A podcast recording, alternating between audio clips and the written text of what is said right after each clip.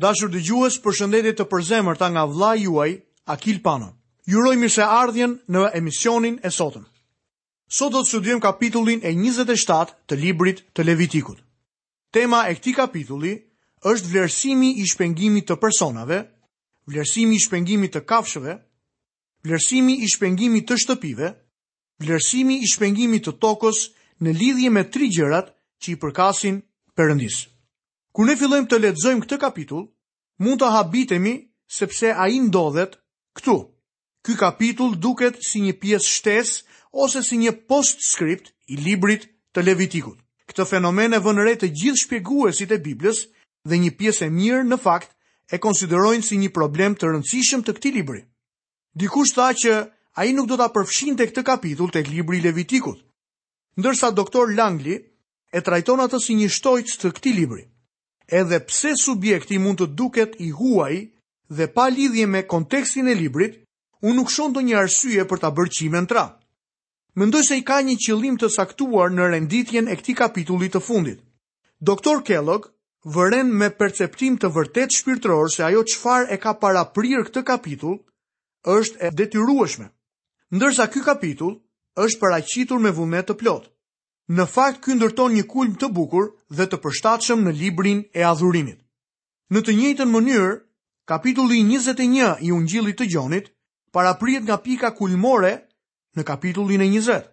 Në kapitullin e njëzet, Zoti ynë i ringjallur u është zbuluar dishepujve të tij dhe i ka dërguar ata në botë. Por te kapitulli i njëzet e një, ai ka një mesazh për Simon Pjetrin. dhe mesazhi ishte nëse më do mua, ushqeji delet e mia. Kjo bëhet me vullnet të plotë dhe baza e saj është dashuria. Kjo është edhe metoda e Zotit. Një tipar i mrekullueshëm i zotimeve është se ato janë vullnetare. Ato vinin pas urdhërimeve, ceremonive dhe dekreteve. Ishte hapi i dytë pas hapit të parë që u kishte kërkuar Perëndia. Ato janë përgjigja e një zemre mirënjohëse. Gjithsesi, është e rëndësishme të përmendim se pasi i ishte bërë një premtim Zotit, përmbushja e këtij premtimi ishte thelbësore. Përgjigja natyrore e një personi të shpëtuar është të pyesë se çfarë mund të bëjë ai për Zotin, meqenëse Perëndia ka bërë kaq shumë gjëra për të. Ne e shohim këtë të shprehur shumë herë në shkrime. Psalmi njëqind e gjashtëmbëdhjetë dhe vargu i dymbëdhjetë na thotë: Ç'do t'i jap Zotit në këmbim të të gjitha të mirave që më ka bërë. Ndërsa apostulli Pal u shkroi besimtarëve, O vëllezër, po ju bëj thirrje nëpërmjet dhembshurisë së Perëndisë, ta paraqisni trupin tuaj si fli të gjallë, të shenjtëruar, të pëlqyer tek Perëndia, që është shërbesa juaj e mençur. Ky nuk është një urdhërim. Ai u thotë, po ju bëj thirrje. Tek letra drejtuar Titit, apostulli Pal shkroi, Sepse hiri shpëtues i Perëndisë iu shfaq gjithë njerëzve. Çfarë bën ai? Ai kërkon diçka? Jo. Më poshtë në kapitullin e dytë të Titit, apostulli vazhdon të thotë: Dhe na mëson të mohojmë pabesinë dhe lakmitë e botës, sepse ne rrojmë me urtësi, me drejtësi dhe me perëndishmëri në këtë jetë. Profeti Mikea me siguri e ka pasur në mend këtë kapitull kur shkroi: O njeri, Ai të ka bërë të njohur atë që është e mirë. Dhe çfarë tjetër kërkon Zoti nga ti, përveçse të zbatosh drejtësinë, të duash mëshirën dhe të ecësh përulësisht me Perëndinë tënd? Çdo besimtar normal dëshiron të bëjë diçka për Perëndinë. Ai dëshiron të zotohet për diçka. Problemi më serioz është të gjesh diçka të vlefshme për të cilën ti t'i zotohesh Zotit. Dikush shkroi në librin e tij, Unë e deklaroj jetën time të mjerë, sepse është e padobishme. Ndërsa dikush tjetër tha, A sikur shpirti im të ishte i shenjtë, sikurse Perëndia është i shenjtë, a sikur të ishte i pastër, ashtu sikurse është Krishti, dhe i përsosur si Ati im qiellor. Këto janë urdhrimet më të ëmbla në librin e Zotit, duke mos lënë mënjanë edhe gjithë urdhrimet e tjera.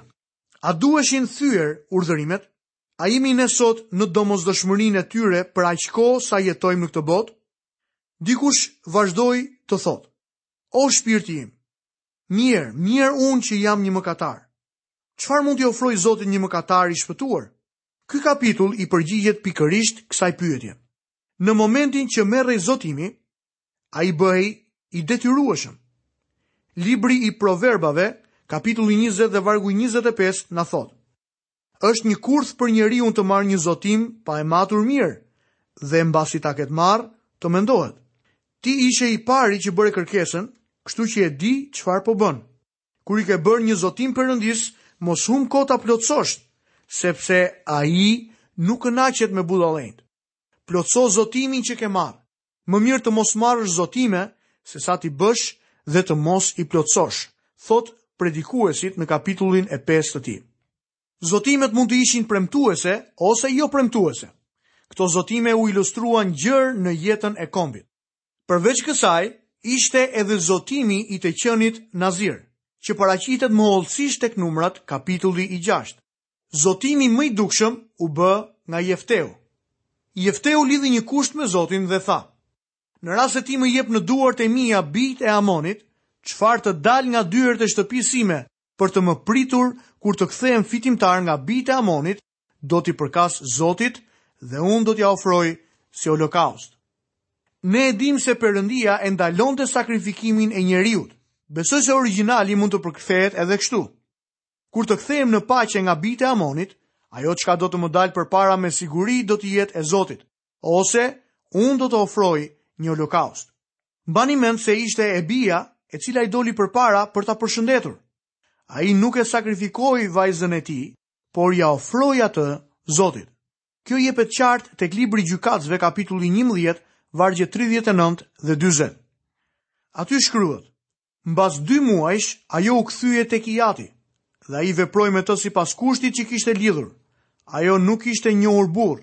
Kështu u bë zakon në Izrael që bijat e Izraelit të shkojnë çdo vit e të qajnë bijën e Jefteut Galaditit, katër ditë me radhë. Me fjalë të tjera, ajo nuk u martua. Për një grua hebreje, kjo ishte një gjë e tmerrshme. Ajo iu dedikua plotësisht Zotit. Jefteu ia ofroi atë Zotit, por ai nuk e sakrifikoi atë duke e vrarë. Ky zotim i tij ishte i shpejt, por së paku ai e mbajti. Nëse një zotim nuk kryhej atëherë duhej bërë një flijim faji ose flijim mëkati. Besoj se Perëndia do t'i kujtojë zotimet e tua. Shumë të krishterë sot nuk i mbajnë zotimet që i kanë bërë Zotit. Nëse ti nuk synon të mbash një premtim ose mendon në mënyrë të shkujdesur në lidhje me fjalët që i ke dhënë Zotit, atëherë duhet të bëje mirë të ndaloje për pak dhe të vëzhgoje. Sot ka shumë të krishterë që janë lënë mënjanë. Ka shumë nga ata që gjykohen dhe shumë të tjerë që kanë rënë në gjumë.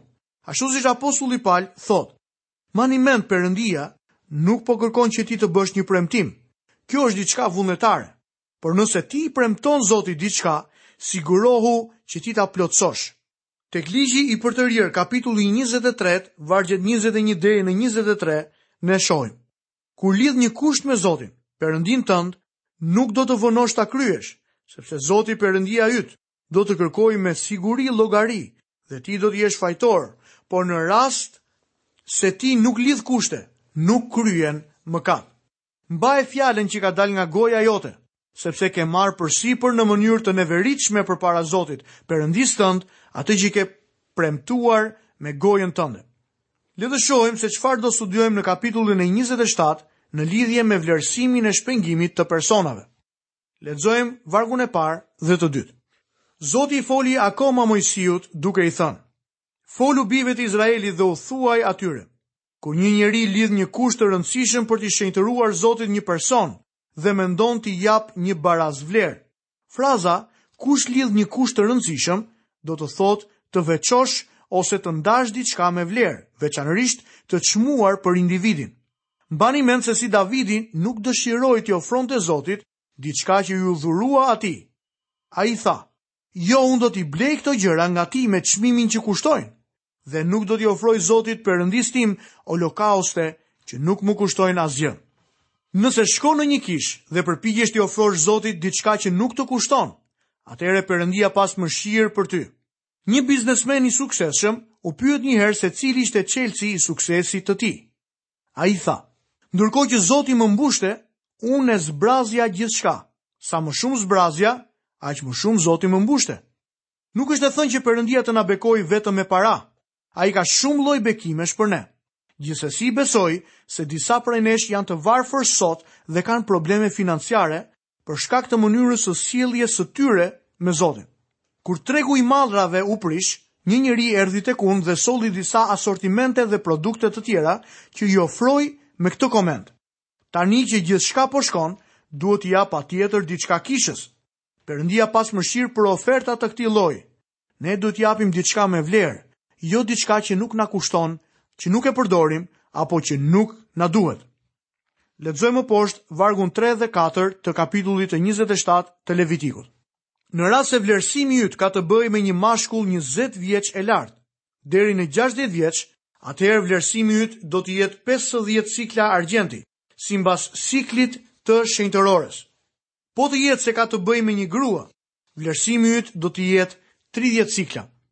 Kur një person i kushtohej Zotit me anë të një zotimi, nuk do të thoshte që ky individ duhet të shërbente në tempull. Ky ishte privilegji i veçantë i levitëve. Për një person që do të çlirohej nga ai shërbim, duhej paguar një çmim shpengimi. Ky quhej vlerësimi i çmimit të personit.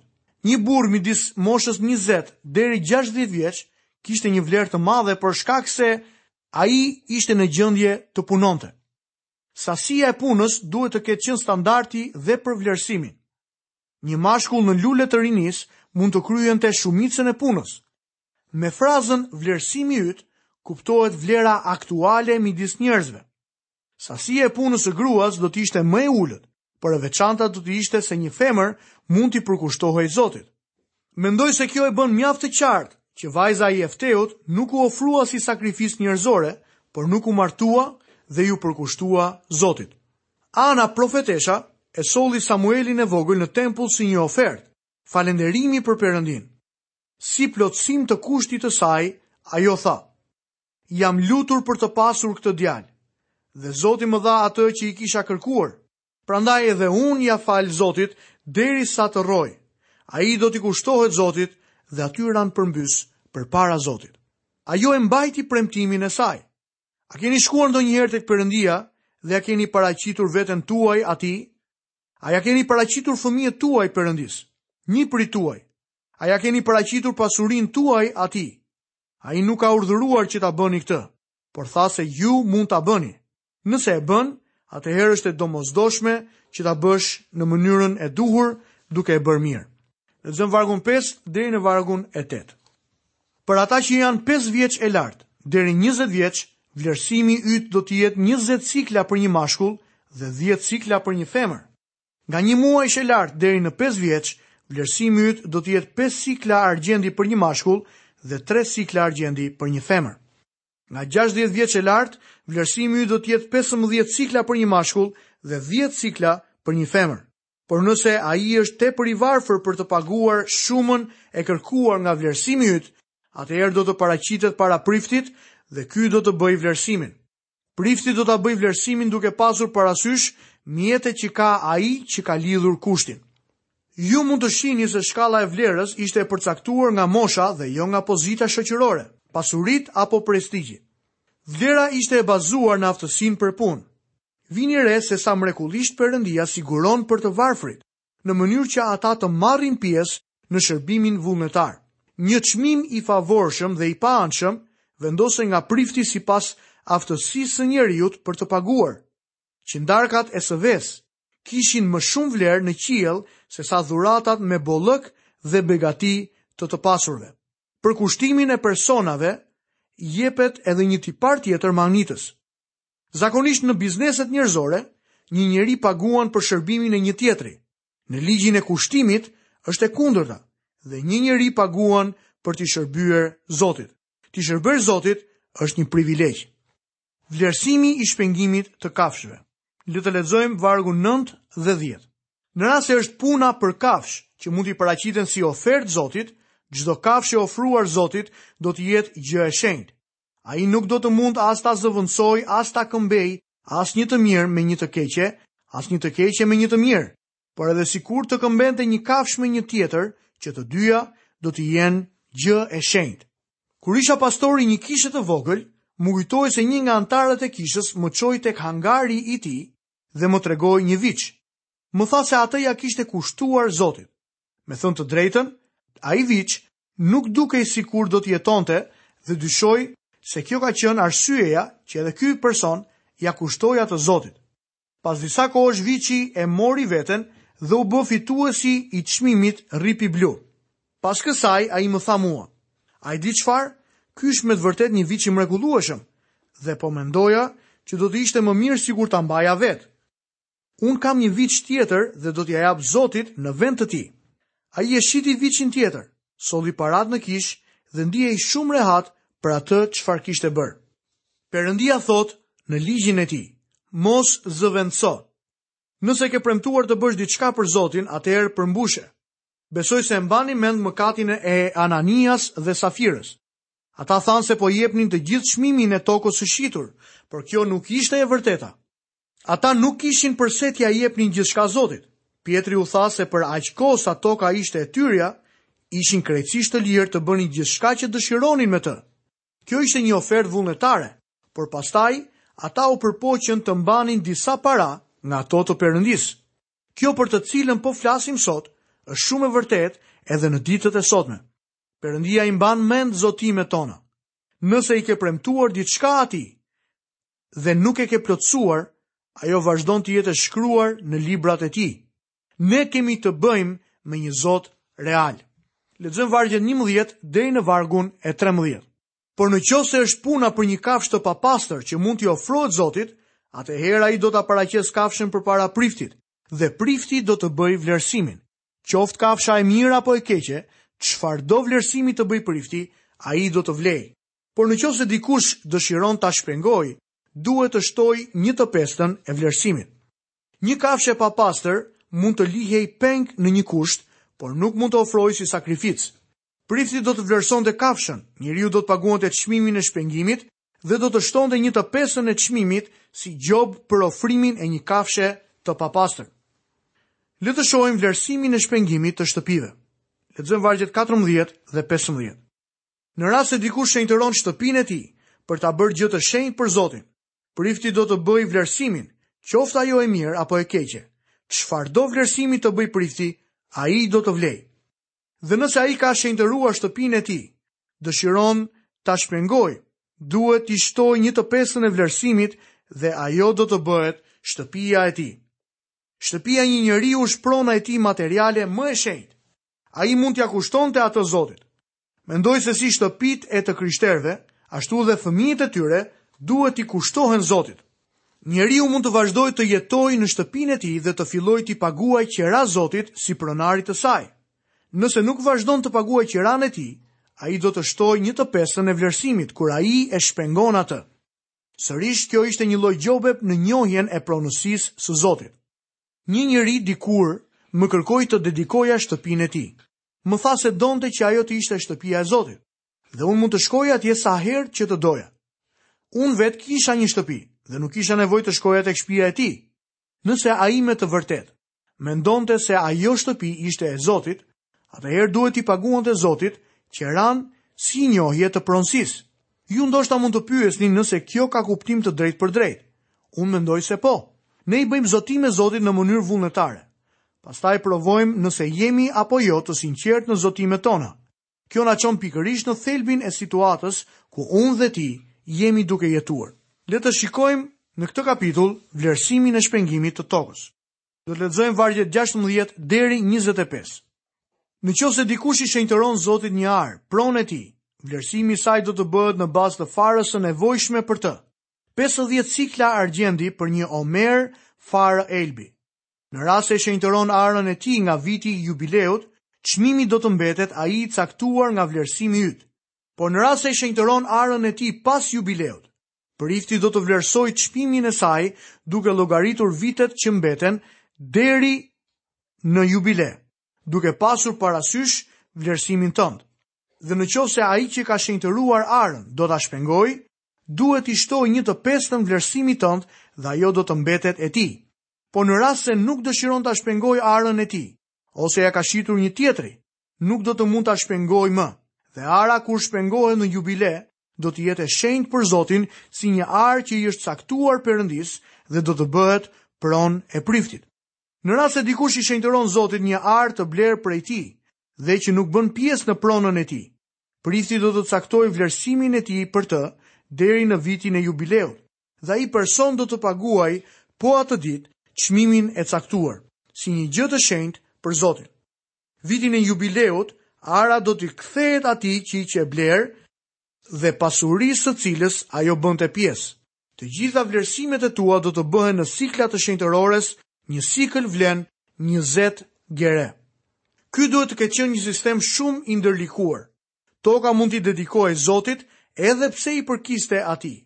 Toka vlerësohej në bazë të produktivitetit të saj dhe në lidhje me vitin e jubileut. Të gjitha tokat u ktheheshin pronarëve fillestarë në vitin e jubileut. Gjithashtu llogaritej edhe kur një njeri ia kushtonte Zotit tokën pak kohë përpara vitit të jubileut si një shenjë zemërgjerësie. Në fakt ai mund të ishte një njeri shumë egoist. Një person nuk mund t'i kushtonte Zotit një tokë të marrë hua. Perëndia e njeh zemrën e njeriut. Tani le të shohim tre gjërat që i përkisnin Zotit dhe që nuk mund të kushtoheshin në një zotim. Lexojmë kapitulli njëzet e shtatë i Levitikut, vargjet njëzet e gjashtë deri njëzet e shtatë.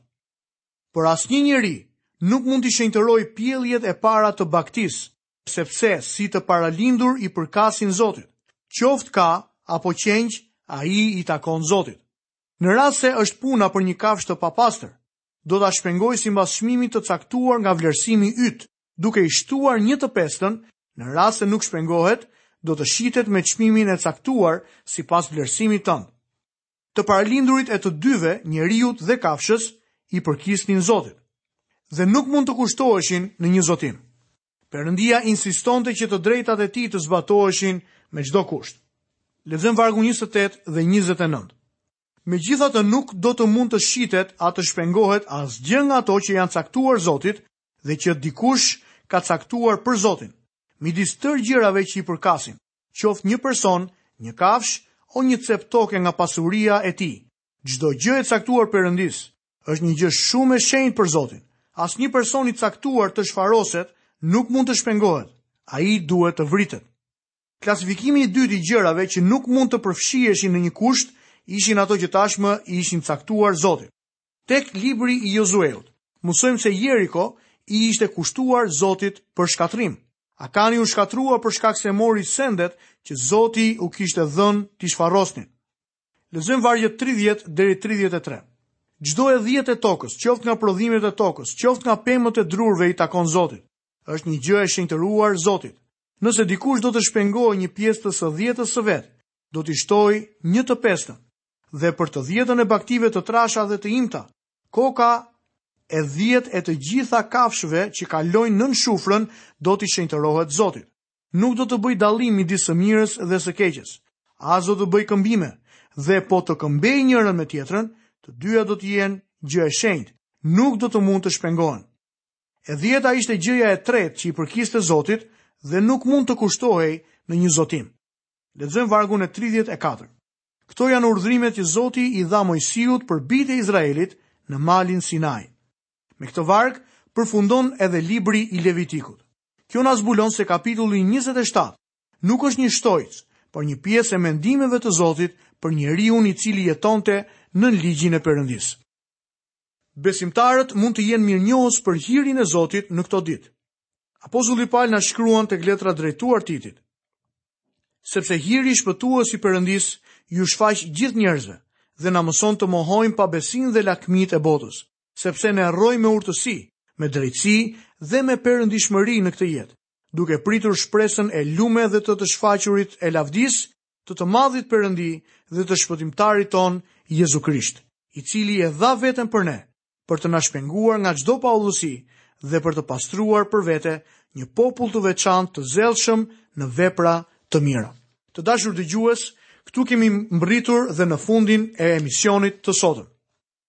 Në fund të këtij emisioni ju kujtoj që kemi përfunduar dhe studimin e tërë librit të Levitikut. Ju kujtoj që në emisionin e ardhshëm do të fillojmë studimin tonë mbi një libër të ri.